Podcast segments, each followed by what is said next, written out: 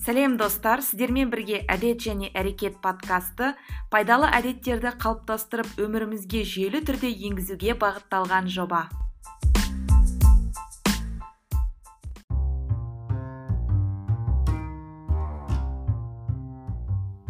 Сәлем әлем. Сіздермен бірге әдет және әрекет подкасты менің есімім жанар және бүгін біз екінші эпизодтың екінші бөлімін жалғастырамыз.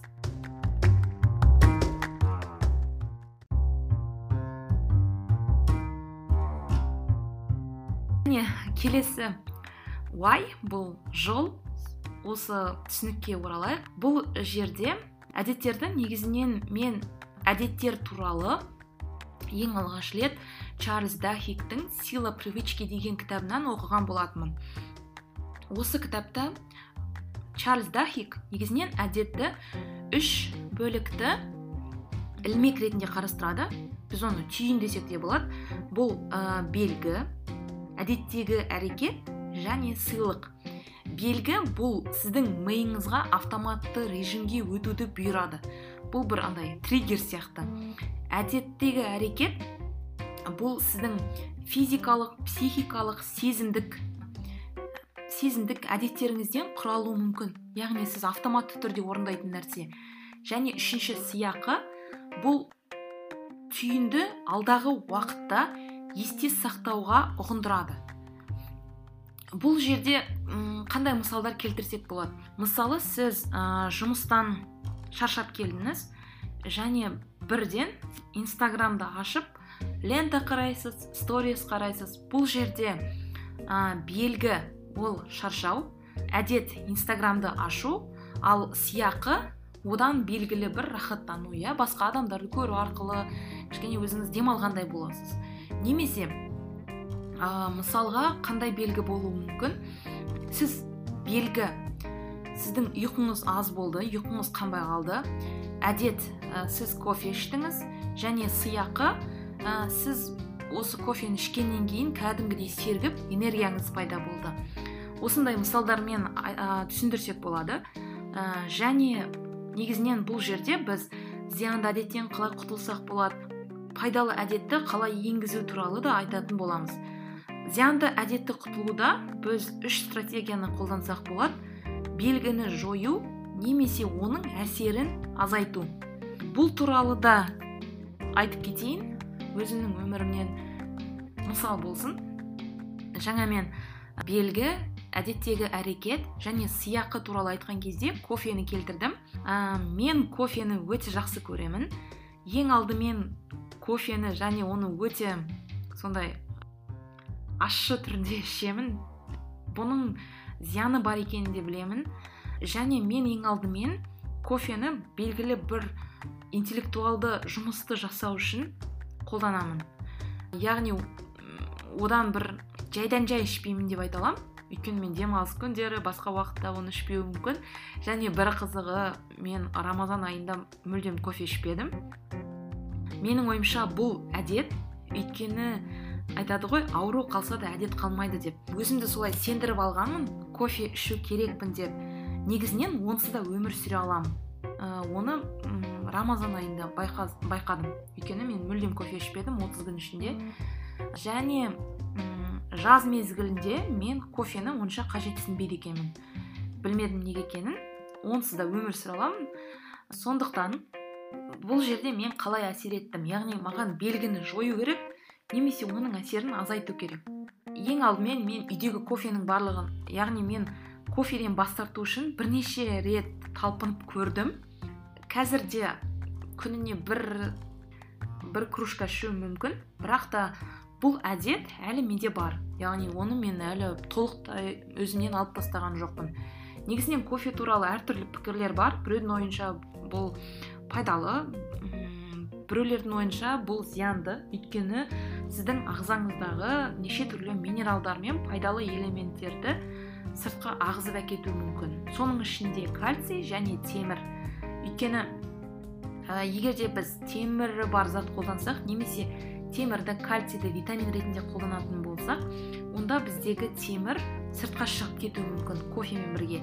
Және тағы бір ескеретін нәрсе ә, негізінен кофені қара түрде ішкен зиянды болуы мүмкін.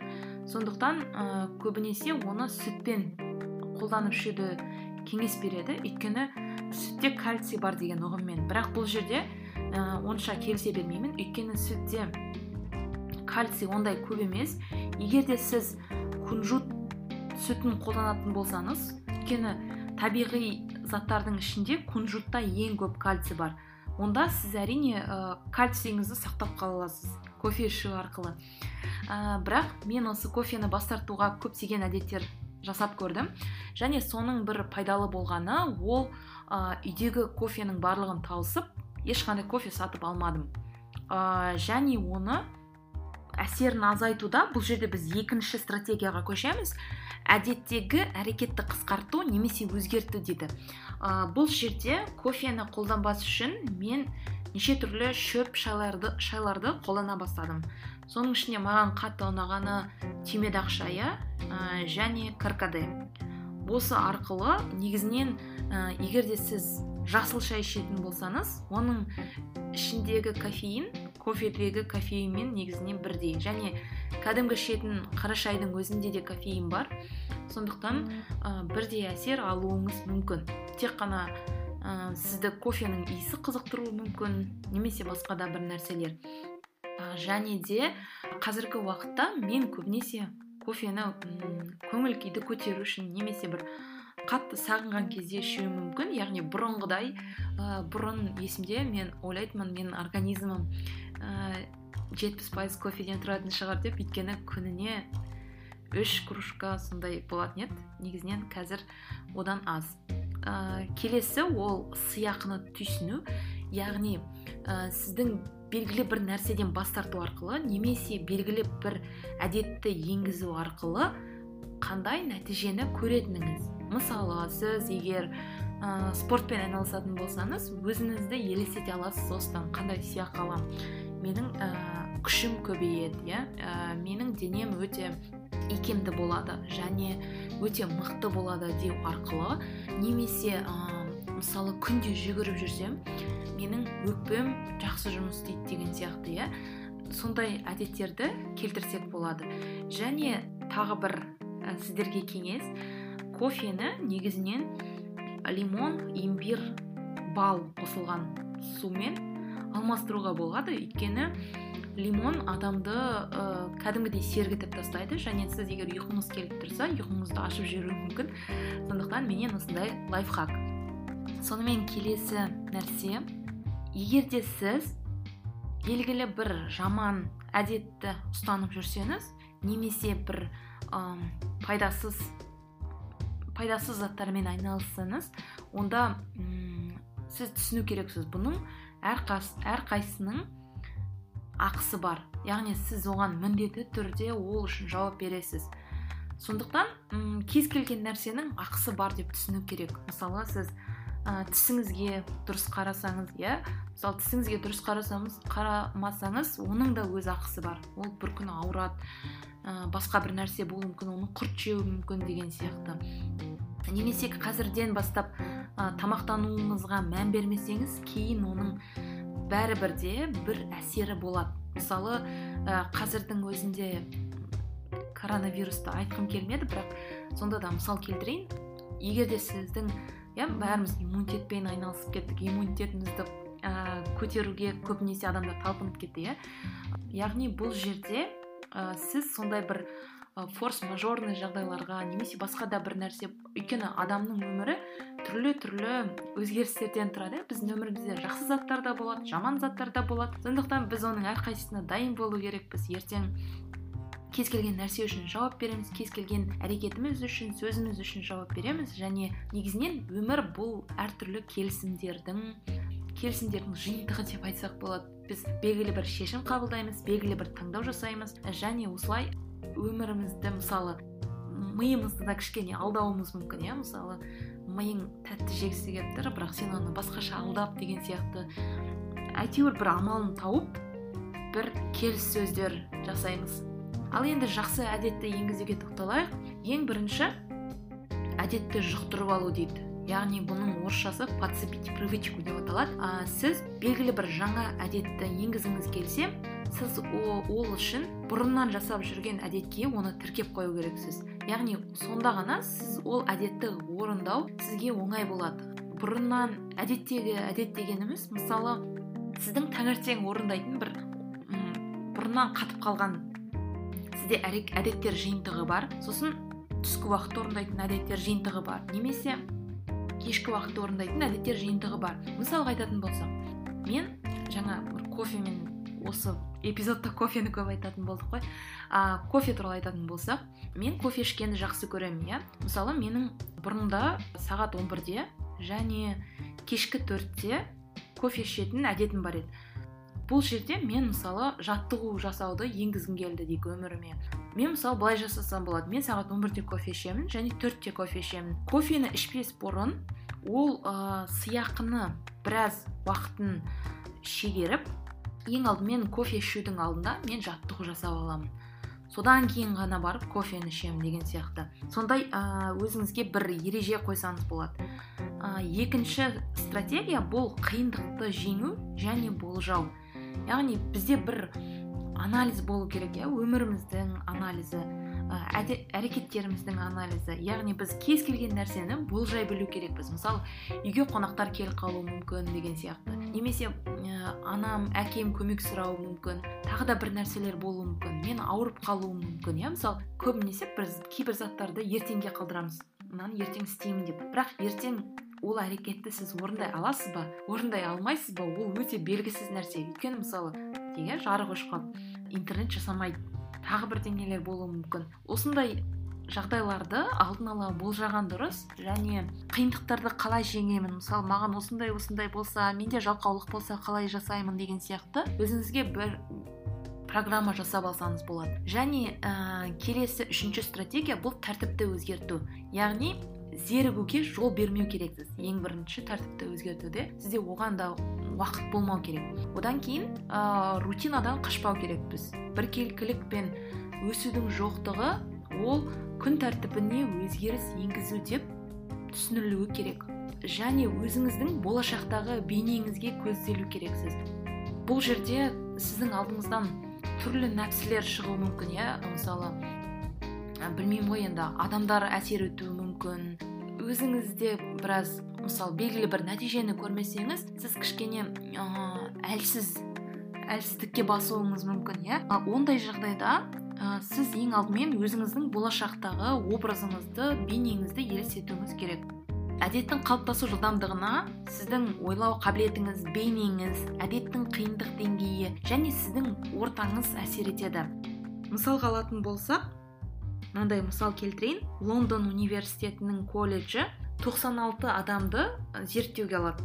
Сол жерде оларға түрлі үш түрлі әдет ұсынады. Және ол әдеттер адамның күнделікті ә, күн тәртібіне негізделген. Мысалы таңертең бір жеміс жеу таңғы асқа таңғы асқа.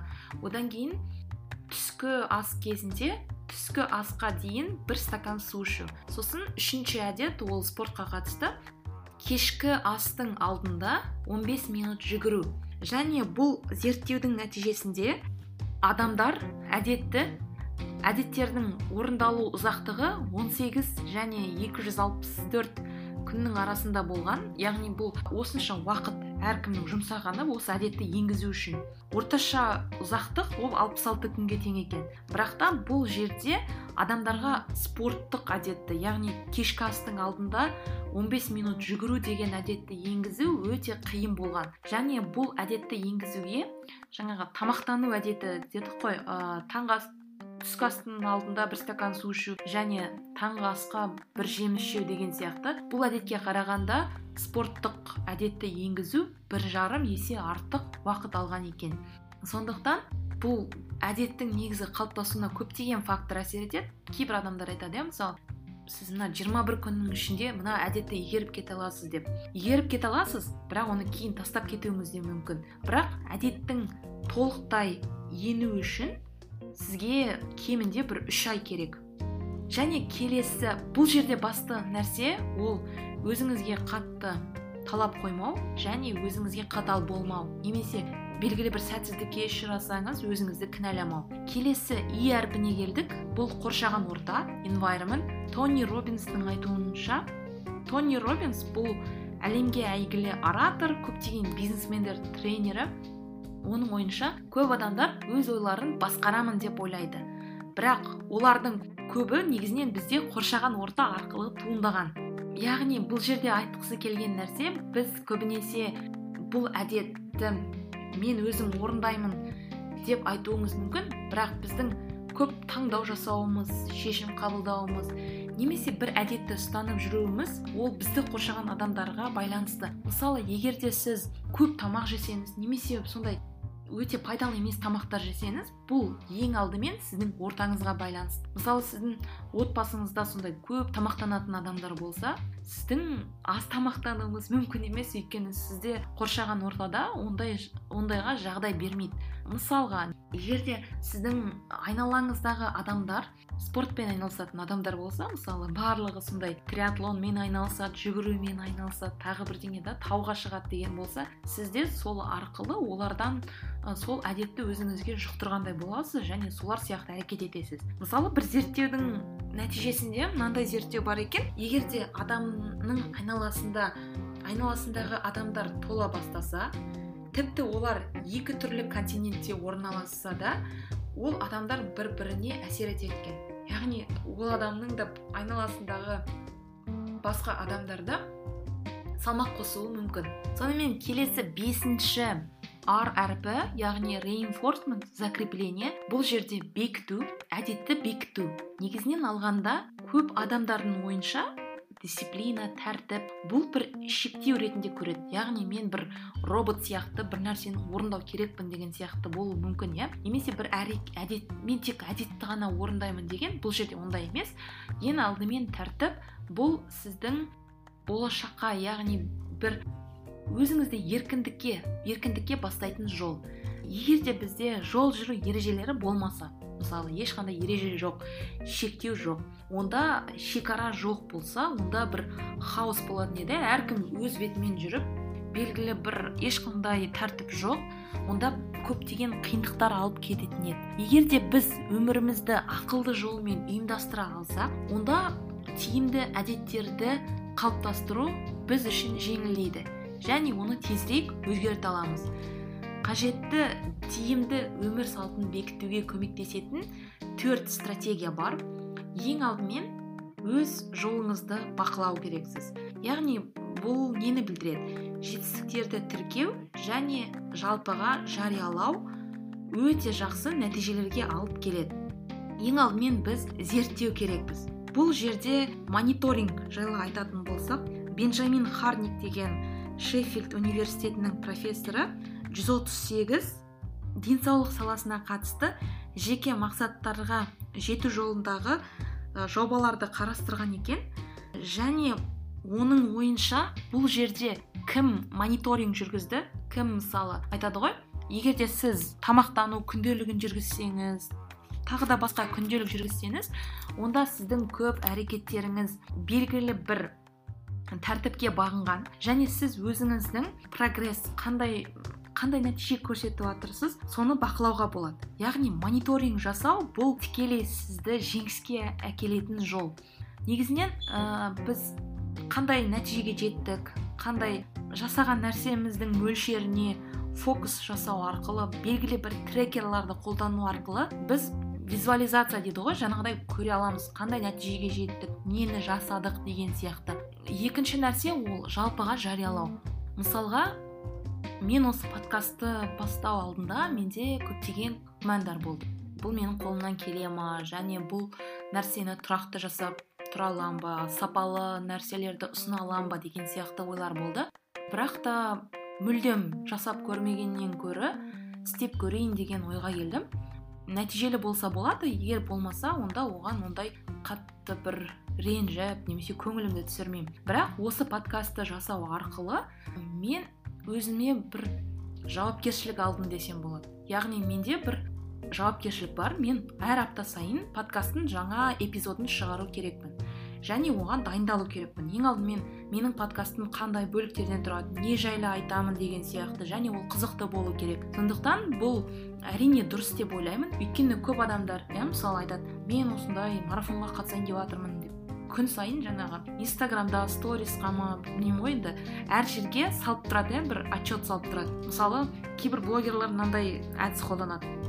Белгілі бір нәрсені айтады мысалы мен күнделікті сіздермен күнделікті режиммен да мысалы жаттығу жасаймын деген сияқты. Сонымен бөлісемін. Егер де мен сторисқа салмасам онда маған штраф дейді. Мысалы өзіне бір ереже жасап алған штраф кім бірінші жазады маған мен сол адамға осындай соманы шотына жіберемін деген сияқты. Және бұл өте жұмыс істейді деп ойлаймын. Өйткені сіз сізде белгілі бір жауапкершілік пайда болады. Басқа адамдардың алдында отбасыңыздың алдында егер де мысалы отбасыңызға айтсаңыз біз бүгіннен бастап осындай нәрсе істейміз десеңіз сіздің алдыңызда жауапкершілік пайда болады және бір жағынан басқа адамдардың алдында да.